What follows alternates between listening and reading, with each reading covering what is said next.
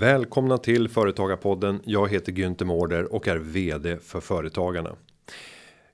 Pandemin och krisen fortsätter och påverkar fortsatt företagande och människor eh, i utöver alla de som drabbas av sjukdomen och alla de som tragiskt också har gått bort till följd av av viruset.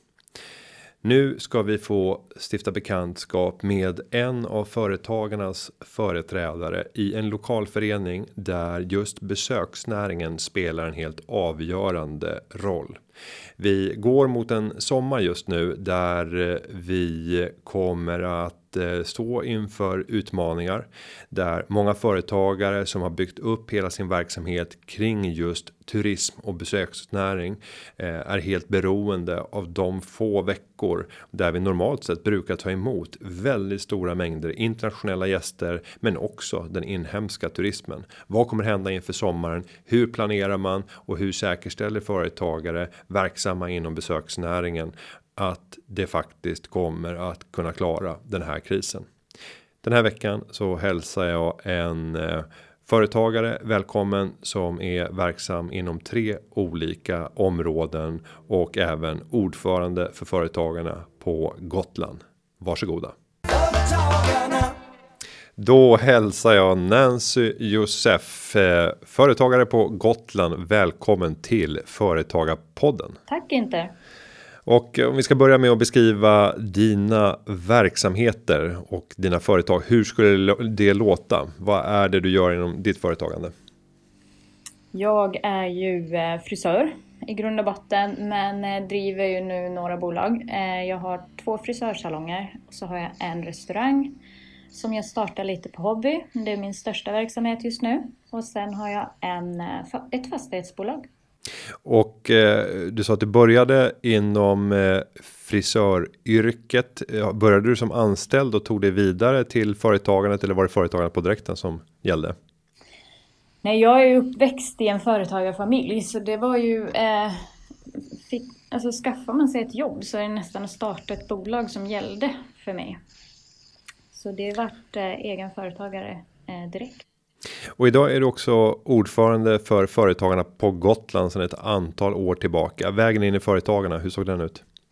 Oj, jag hade en kund eh, som var regionchef för företagarna som eh, berättade om eh, vad företagarna gjorde och då kände jag väl så här att eh, jag har inte tid att påverka för jag jobbade ju dygnet runt och för att mina förutsättningar skulle ens fungera att vara företagare, vilket var jättesvårt eh, administrativt och ja, det var mycket krångel tyckte jag att vara företagare. Så tänkte jag att då kan ju en, mm, andra människor som är duktiga på det göra den delen. Ehm, och eh, förutsättningarna för dem blir ju större och eller bättre om jag är medlem också. Så att, ehm, ja, då blev jag medlem i Företagarna och på den vägen är det. Sen blev jag mest år, eh, årets mest företagsamma 2015 och då tillfrågades jag att vara med i styrelsen. Och eh, var det i några år och sen eh, så blev jag ordförande för några år sedan här. Och situationen måste vara väldigt annorlunda och unik i det här läget när man är ordförande för företagarna på Gotland. För krisen har slagit hårt mot ön. Eh, vi ska inledningsvis säga rent eh, sjukdomsmässigt så har det inte slagit så hårt. Gotland och Blekinge tror jag tillhör de regioner som har klarat sig absolut bäst. Men när det kommer till turismnäringen så är den helt avgörande för Gotland. Om du skulle beskriva hur, hur krisen har slagit mot företagande på Gotland. Hur eh, skulle du beskriva den? Oj, Eh, alltså Gotlands näringsliv är ju till 33 procent byggt på just besöksnäring eh, medan Sverige generellt ligger på 3 procent.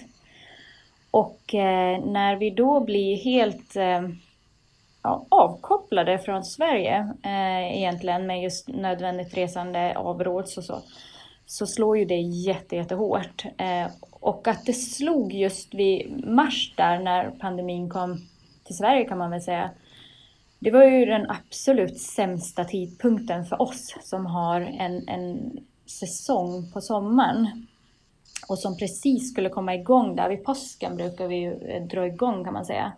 Så vår likviditet i bolagens kassor är ju på absolut minimumnivå. Man har alltså bränt pengar från föregående säsong, vilket man ska göra. Vi har anställda året runt, eh, fler än vad vi borde kanske och det är just för att kunna bibehålla personalen, bibehålla den ja, verksamhet som man eh, ska grunda för till nästa säsong kan man säga.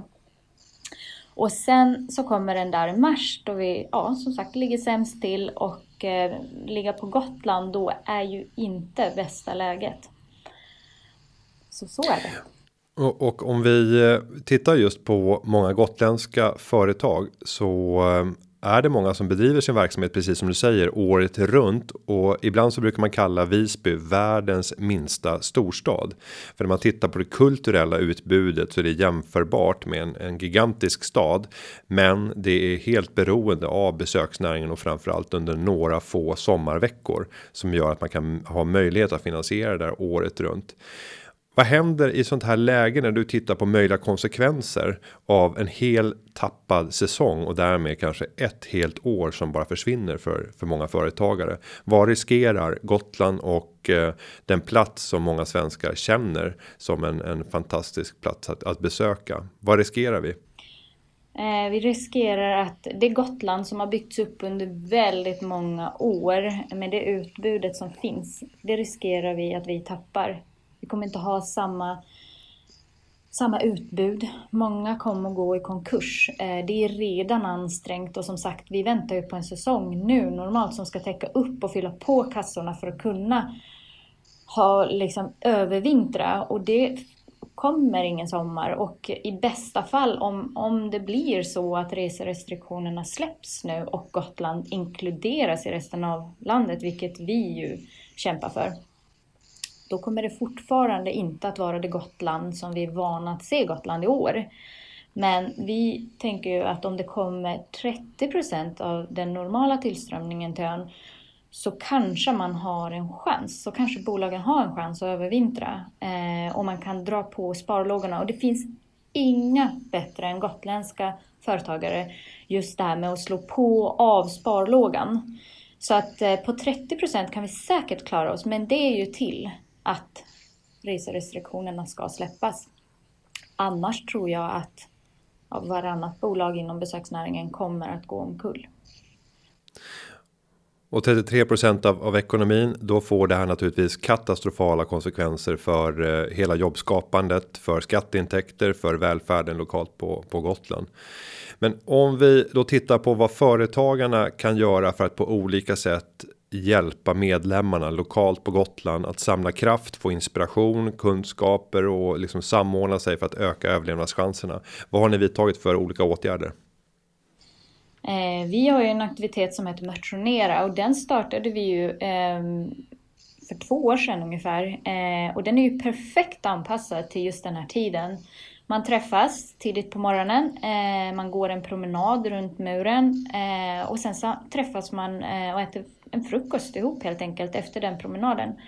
Och på promenaden så uppmanas man att prata med folk man inte känner. Eh, man, får, eh, man, man får inspiration och energi av andra i samma situation eller eh, regionsanställda, politiker, alla möjliga människor som man kan behöva komma i kontakt med. Och sen har vi alltid någon som pratar och berättar om liksom, aktuella ting.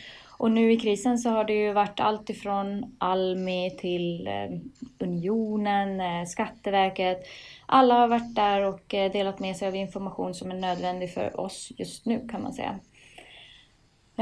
Men sen är vi ju även en av Hela styrelsen består ju av företagare som är verksamma här på ön. Så vi sitter i samma båt som resten av företagarna här. Så att vi har ju det som drabbar dem drabbar ju också oss och i och med det kan vi också liksom på ett helt annat sätt vara steget före alla andra eh, med att se hur, hur, hur, det slår egentligen och vad konsekvenserna av det kommer att bli.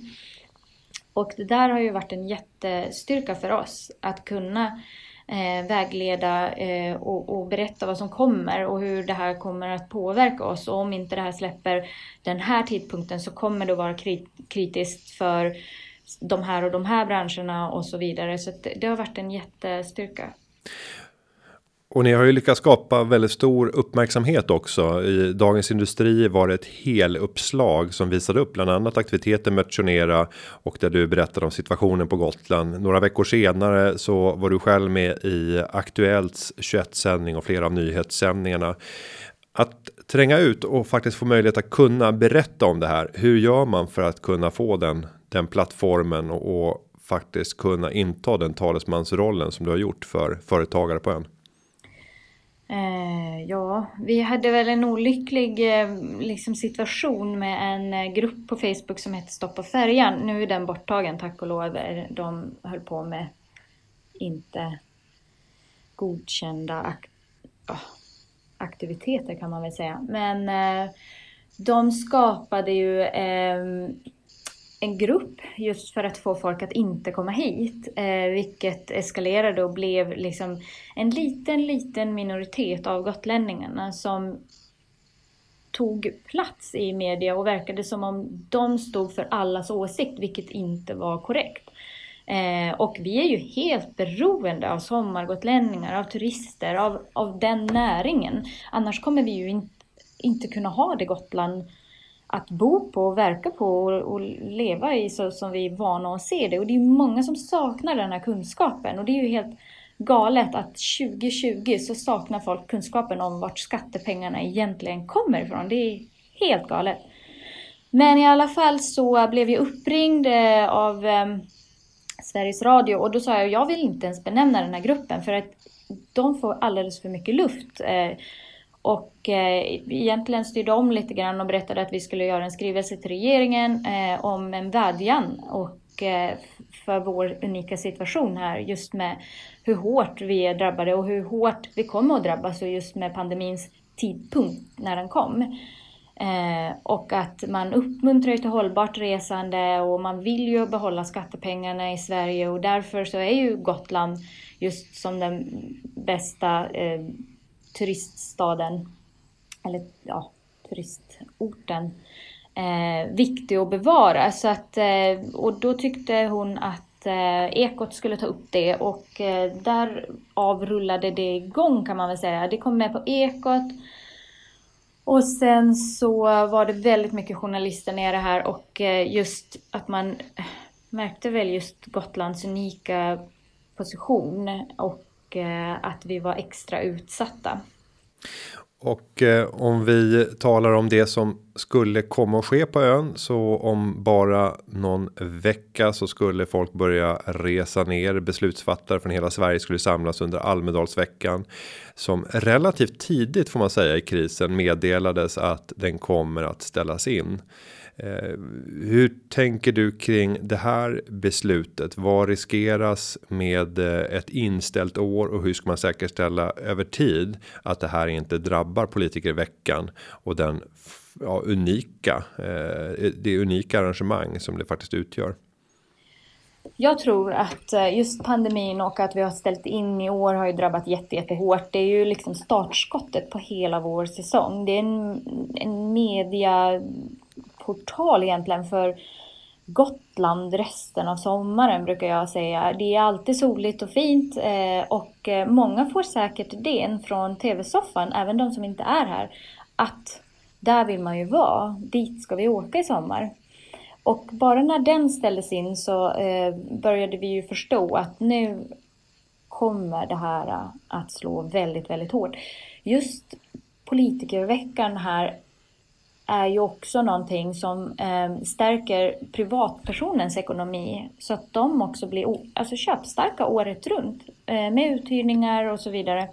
Och när inte de får in den inkomsten så kan de inte heller ha den levnadsstandard som de normalt har året runt. Och där märkte vi också ganska snabbt att det kommer ju påverka hela vår vintersäsong också. För det är så pass mycket, alltså det är en så pass stor del av många bolags omsättning just Almedalsveckan. Och någonting som är positivt med att ha ställt in den, det är ju att människor kommer att sakna den debatten som den här veckan har skapat. Den betydelsen av den här veckan tror jag kommer att framgå mycket, mycket starkare än vad den någonsin har gjort. Och den har ju varit diskuterad förut och jag, statsministern har valt att inte komma hit och jag hoppas verkligen att han framför allt får sig en tankeställare på hur viktig den här veckan är och att man inte skälper någonting som har byggts upp egentligen av helt egen kraft sedan dag ett då Socialdemokraterna stod på en scen och skapade den här veckan.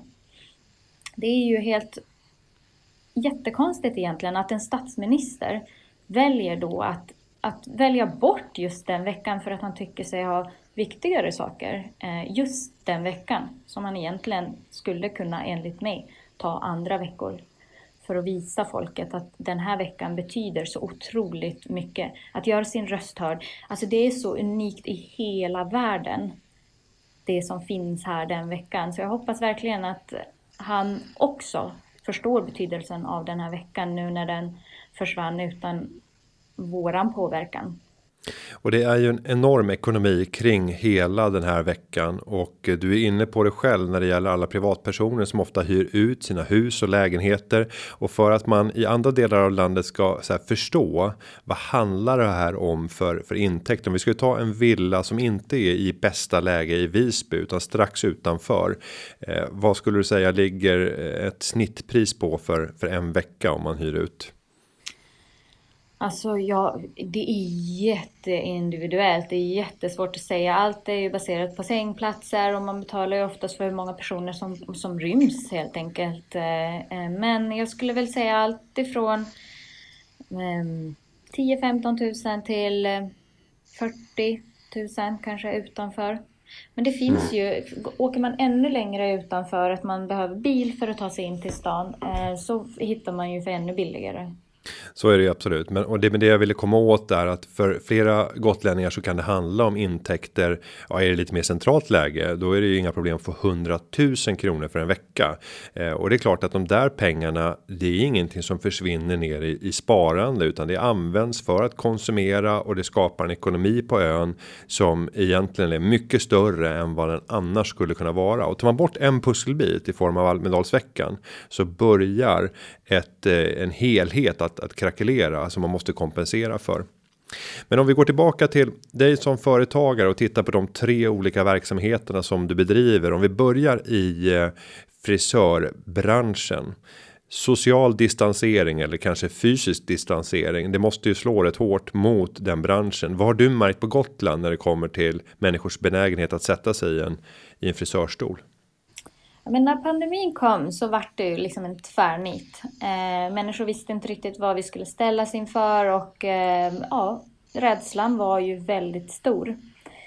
Men sen började man förstå att eh, det här kanske blir en långvarig process och man måste liksom lära sig att leva med det här. Man måste vara försiktig såklart och eh, man behöver klippa sig helt enkelt. Sen eh, har vi ju märkt att just det här extra, Eh, där man gör sig fin för en fest eller där man gör sig fin för en, eh, ja, studenter som en nalkas nu och allt är inställt och sådär, så, så märker vi att vi har ett, ett tapp där.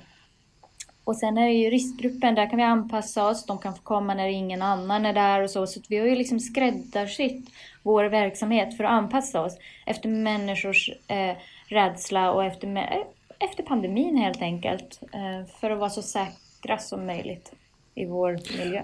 Och kan man tala om något generellt intäktstapp? Vad skulle du säga att eh, branschen ligger på om du tittar generellt för eh, Gotland och frisörer och då är det primärt i, i Visby tänker jag. Alltså mina två salonger är ju eh, de två största eh, här, bland de största. Eh, och där har vi haft eh, 28 eh, procent i april hade jag eh, tapp på båda salongerna. Mm. Och Om... de marginalerna finns ju inte. Det är, det är ju inte sådana marginaler som vi har. Och på vilket sätt har du kunnat jobba med de krispaket som har kommit och de stödverktyg som regeringen har presenterat? Har du använt någonting av det i frisörverksamheten? Ja, men på en av salongerna har jag, har jag eh, använt mig av 20% eh, korttidspermittering och det är lite för att gå igenom processen själv för att kunna vägleda andra egentligen. Vad är det som är krångligt? Vad är det vi behöver se över? Vad är det som, som är, eh, vart tar det emot liksom? Och, eh, eh, så det, det har jag gjort på en av salongerna men sen i, i de andra bolagen har jag inte gjort någon sådan åtgärd. Eh, sen eh, får vi ju eh, stödet som är eh, arbets, sänkt arbetsgivaravgift. Den nås vi av eh, i alla bolagen. Men sen är det ingenting mer just nu. Jag har ju ställt om. Pratar man restaurangen där, då har jag ju ett tapp på plats på 67 procent i mars och april. Eh, men där eh, så tog ICA Maxi kontakt och frågade om vi ville sälja take away-mat just eh, hos dem på grund av att de hade så stor trafik till butiken. Och då drog jag ihop en 6-7 krögare som har gjort ett torgmarknad helt enkelt, alltså krogmarknad utanför hos dem. Och det har då räddat upp så att vi har ju i och med vår omställning så nås vi inte av omställningsstödet, vilket ju är rätt lustigt att det heter just omställningsstöd när vi på grund av att vi har gjort en omställning inte nås av det stödet. Men den här enskilda insatsen har alltså räddat verksamheten och, och ni har kunnat flytta och har är det utomhusstånd i anslutning till ICA Maxi eller? Precis. Det är ett stort eh, tält i, precis vid entrén på ICA Maxi här i Visby. Och ja, det har eh, redat upp eh, så att vi inte har tappat ens 30 procent av den totala omsättningen. Eh, men där är ju samma sak, vi har inte de marginalerna och varför vi gör det är inte för att göra någon slags resultat i just den försäljningen utan det är för att bibehålla personalen, för att kunna ge dem timmar. Så säljer vi på plus minus noll egentligen och vi tror att det kommer att kunna göra så att vi på ett helt annat sätt kan gå in och möta sommaren nu. För hade vi varit tvungna att eh, skära ner på personalstyrkan så hade det varit extremt svårt att kunna skära, alltså liksom gradera upp det inför en eventuellt kommande sommarsäsong. Och sen har du fastigheter också och där är ju situationen en annan. Där misstänker jag att du har hyresgäster. Är det en blandning av privatpersoner och företag eller är det bara företag? Både och. Eh, har du tvingats ge hyresnedsättningar till eh, enskilda hyresgäster för att de ska klara sig? Vi har inte gjort det faktiskt. Jag köpte där eh, de här fastigheterna väldigt nyligen eh, och har extremt höga lån jag köpte dem av en privatperson som hade haft det här huset väldigt, väldigt länge och hon själv hade inte höjt några hyror på länge och behövde ju inte göra det för hon hade inte de lån som vi sitter på idag. Eh, och med det så är ju redan min ekonomi i fastighetsbolagen så ansträngd så det finns inga marginaler att jobba med alls. Eh, och går man till det så tycker jag att själva att det känns väldigt olustigt att staten då lovar bort delar av min inkomst. Jag är också företagare. När jag äger fastigheter så är jag också företagare. Tycker det är väldigt märkligt att man lovar bort en del av mina intäkter. Det är ju inte jag som har tagit emot skatt av mina hyresgäster. Ja, om man ska säga att just det här hyresstödet som regeringen presenterade har vållat väldigt mycket kritik och det har skapat också onödiga konflikter mellan de som äger fastigheten som är en företagare och de som hyr fastigheten på andra sidan, vilket då också är ett företag om man ska motta det här. Den här, den här hälften stödet som staten går in med om man sänker hyrorna och så pekar man ut enskilda branscher, eh, vilket också skapade förvirring. För det är klart att bara för att man råkar befinna sig i en viss bransch så betyder det inte per automatik att man har tappat en betydande del av sin omsättning. Det finns företag som befinner sig i andra branscher som inte har omnämnts som har tappat väldigt mycket av sin omsättning och det finns några som inte alls har gjort det. Jag fick höra ett exempel på eh, dagligvaror. Man pratar ju ofta om att eh, ICA butikerna har gynnats av krisen. Ja, men pröva att åka upp till eh, riksgränsen. Där var det ner 96% i försäljning på ICA Eh, och motsvarande kan ju tänkas bli fallet i på Gotland om man tittar på matbutikerna som normalt sett får en omsättning som exploderar när alla sommargäster kommer. Om du om du nu tittar framåt för eh, sommaren, vad hoppas du på och vad arbetar du för att eh, få för utfall under under sommaren för ditt eget och för andra företagares sommar?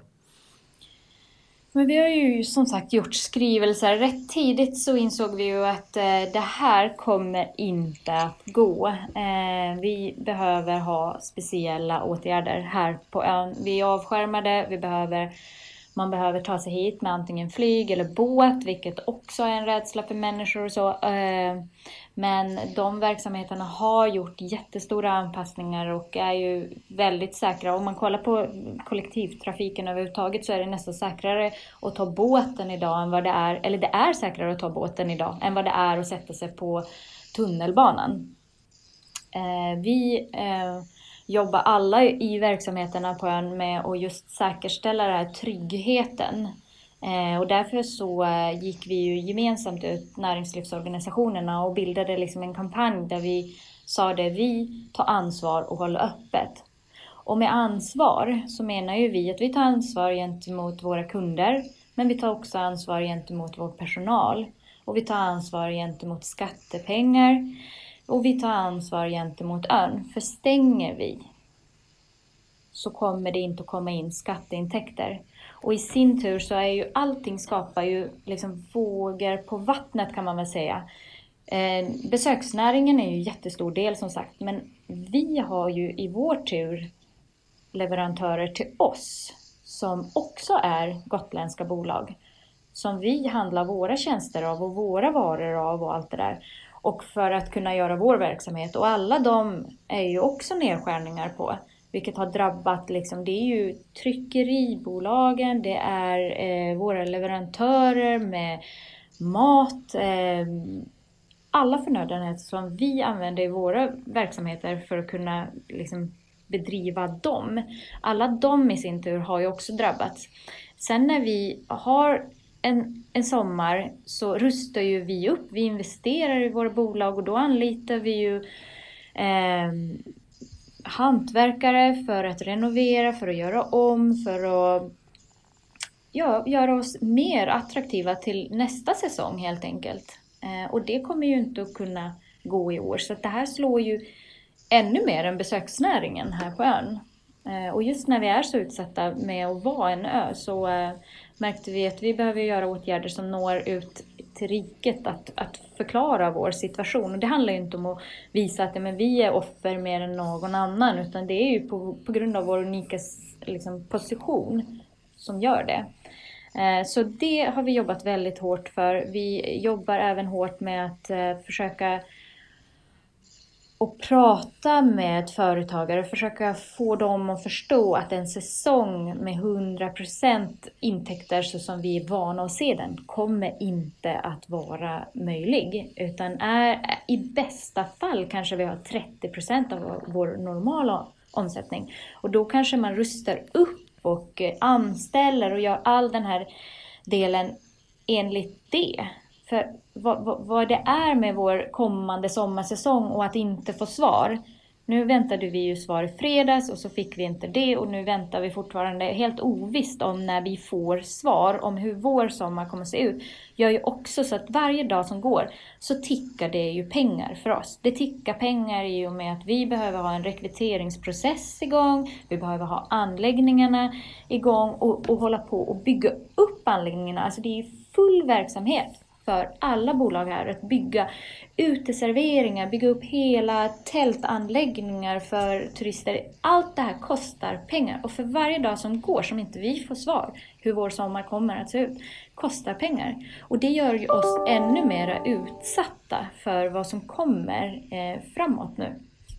Eh, bara en sån sak är ju också jätte, jättepåfrestande. Och det blir ju den här psykiska påfrest, påfrestningen för företagarna här. Att finnas som ett stöd för dem som, to, som alltid har total kontroll. Och helt plötsligt så ligger det utanför deras kontroll. Att få en sån maktlöshetskänsla gör så att man vissa dagar inte ens orkar gå upp, men man tvingas göra det. Själv har jag ju 27 anställda så här års. Eh, och eh, det skulle ha blivit 20 fler eh, fram mot säsongen här.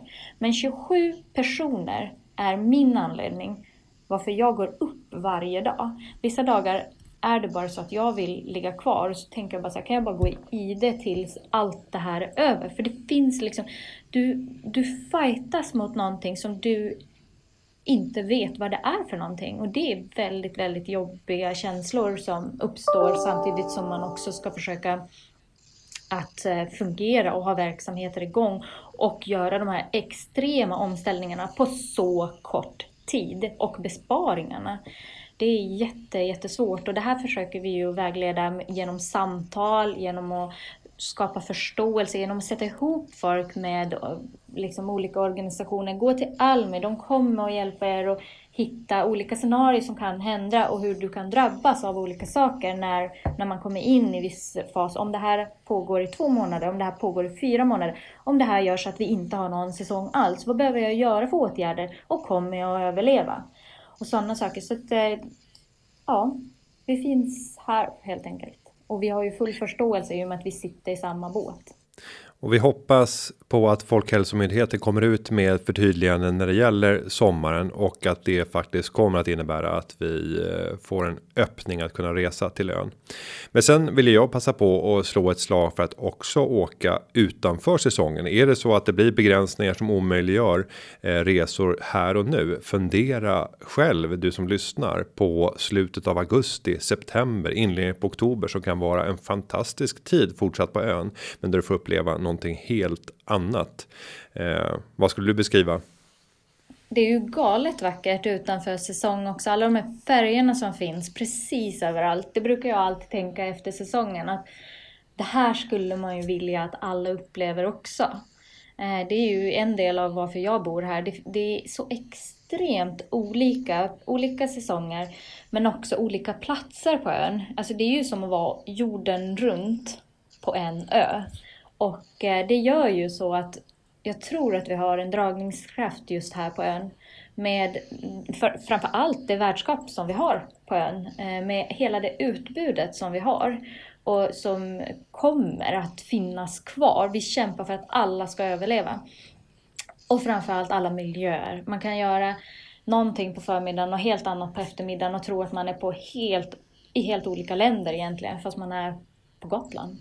Nancy, jag känner mig eh, oerhört glad och stolt över att ha dig som ordförande för företagarna på ön och jag tror och hoppas att ni kommer få en eh, rätsida sida på alla de utmaningar som nu finns och mycket tack vare att ni skapar de här mötesplatserna som får människor att börja diskutera och företag att hitta lösningar tillsammans med varandra.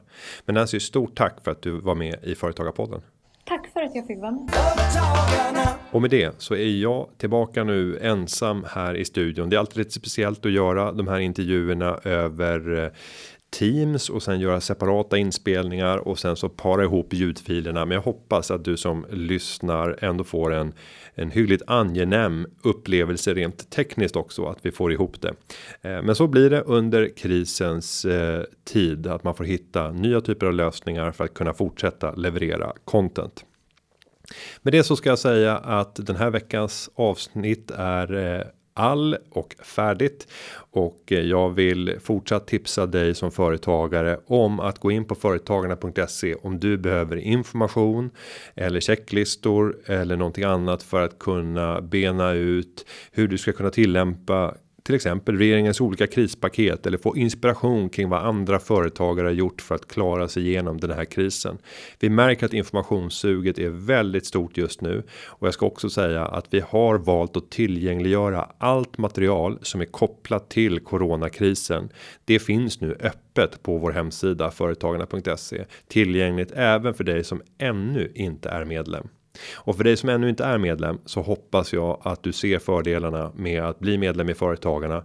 För då får du dessutom access till vår juridiska rådgivning. Där vi så sent som den senaste månaden har nyanställt ytterligare tre stycken jurister. För att kunna säkerställa kvaliteten och tillgängligheten. Eh, när trycket på rådgivningen blir väldigt högt. Men med det så ska jag eh, säga att eh, den här podden har förberetts av David Hagen och klippningen den är gjord av Petra Cho. Vi hörs igen nästa onsdag precis som alltid. Ha det gott. Hej! Företagarna.